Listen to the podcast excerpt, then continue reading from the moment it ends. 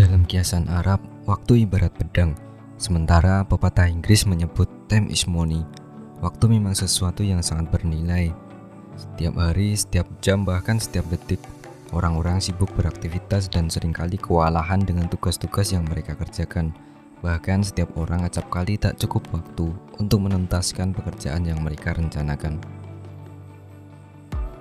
Tahukah Anda bahwa orang-orang yang sukses tidak berusaha mengerjakan semuanya? Mereka belajar untuk fokus hanya pada pekerjaan yang paling penting dan memastikan telah mengerjakannya. Kesuksesan dapat diraih dengan mengembangkan kebiasaan yang membuat kita mudah mencapai hasil lebih banyak dengan usaha yang semakin kecil. Buku ini membantu Anda untuk merencanakan dan mengatur waktu Anda, menetapkan prioritas, mengatasi penundaan, dan menjalani pekerjaan lebih banyak dalam waktu lebih singkat.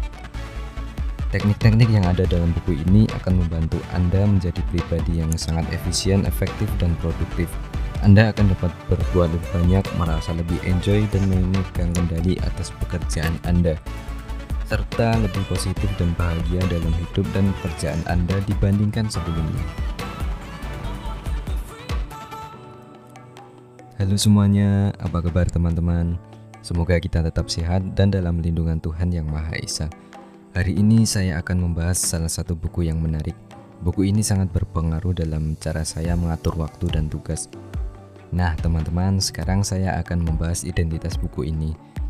Judul buku ini adalah In That Frog, Cara Dahsyat Mencapai Hasil Lebih Banyak Dengan Bekerja Lebih Sedikit. Penulisnya Brian Tracy. Nah, Brian Tracy adalah seorang pembicara, pelatih, pengajar seminar, dan salah satu pembicara profesional terkenal di dunia yang berbicara kepada lebih dari 250.000 orang setiap tahun di Amerika Serikat, Eropa, Asia, dan Australia. Buku ini diterbitkan pertama kali oleh Barrett Kohler Publisher di San Francisco, USA. Lalu diterjemahkan dalam bahasa Indonesia dan diterbitkan oleh penerbit Gemilang nomor SBN-nya 97899797454. Manfaat memahami buku Inded Frog karya Brian Tracy ini yaitu Anda mampu menyusun tujuan hidup, memahami prioritas penyelesaian tugas, keluar dari jerat teknologi, memahami metode penyelesaian tugas, serta mampu memaksimalkan waktu Anda. Lalu apa yang dimaksud Inded Frog? In that frog maksudnya memakan katak. Katak di sini adalah tugas Anda yang paling penting dan besar, sesuatu yang sangat mungkin Anda tunda.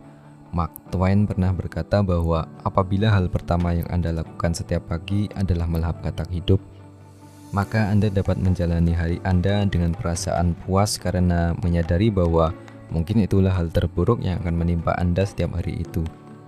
Lalu kaidah pertama memakan katak adalah jika Anda harus makan katak, makanlah katak yang paling jelek lebih dahulu. Itu adalah cara lain untuk mengatakan bahwa bila Anda mempunyai dua tugas penting yang menanti Anda, mulailah dengan tugas yang terbesar, tersulit, dan terpenting. Disiplinkan diri Anda untuk segera mengerjakannya sampai tugas itu selesai sebelum Anda mulai menangani tugas yang lain. Selanjutnya, kaidah kedua memakan katak adalah jika Anda memang harus memakan seekor katak hidup, tidak tidak ada gunanya duduk dan memandanginya lama-lama. Kunci mencapai tingkat prestasi dan produktivitas yang tinggi adalah dengan mengembangkan kebiasaan untuk setiap pagi mengerjakan tugas utama Anda terlebih dahulu. Anda harus membangun rutinitas untuk memakan katak Anda sebelum melakukan tugas-tugas lain dan tanpa menghabiskan waktu terlalu lama untuk memikirkan tugas tersebut.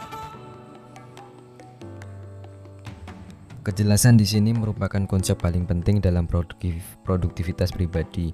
Alasan utama yang membuat sebagian besar orang menyelesaikan pekerjaan mereka lebih cepat adalah karena mereka memiliki tujuan yang benar-benar jelas dan tidak menyimpang dari hal tersebut. Dalam buku ini dijelaskan hal yang mengejutkan yaitu hanya di sekitar 3% orang dewasa saja yang memiliki tujuan yang tertulis dan jelas. Mereka mampu menyelesaikan pekerjaan 5 dan 10 kali lebih banyak daripada orang-orang yang memiliki pendidikan dan kemampuan setara atau lebih baik tetapi entah mengapa tidak pernah menyisihkan waktu untuk menuliskan dengan persis apa yang mereka inginkan. Tujuan yang ditulis dengan jelas memiliki dampak luar biasa terhadap pemikiran Anda. Ini mampu menggerakkan dan menggembleng Anda agar bertindak. Ini merangsang kreativitas, mengerahkan tenaga, dan membantu Anda mengatasi penundaan dan berbagai faktor lainnya. Tujuan adalah bahan bakar di dalam tungku pencapaian. Lalu apa yang terjadi jika Anda tidak memiliki tujuan? Nah teman-teman, jika tidak memiliki tujuan hidup, kita akan merasa hambar, tidak ada semangat dalam menjalani aktivitas keseharian, serta kita tidak akan mengalami kemajuan karena kita tidak menetapkan tujuan. Jika tetap tidak memiliki tujuan, Anda akan bingung dalam menjalani aktivitas sehari-hari. Pelajaran penting selanjutnya dari buku ini adalah Nah teman-teman, kalian pernah nggak bagaimana cara memakan gajah? Nah, cara memakan gajah yaitu sedikit demi sedikit. Nah, ini hanya kiasan ya, teman-teman. Lalu selanjutnya bagaimana Anda mengerjakan tugas tersulit? Jawabannya sama, yaitu membaginya menjadi beberapa bagian kecil selangkah demi selangkah. Dalam buku ini dijelaskan bahwa Anda hanya membutuhkan sekitar 10-12 menit untuk merencanakan hari Anda. Tetapi investasi yang sedikit ini akan menghemat 2 jam Bekerjalah sesuai dengan daftar. Ketika muncul sesuatu yang baru dalam benak Anda, tambahkanlah ke dalam daftar sebelum Anda mengerjakannya.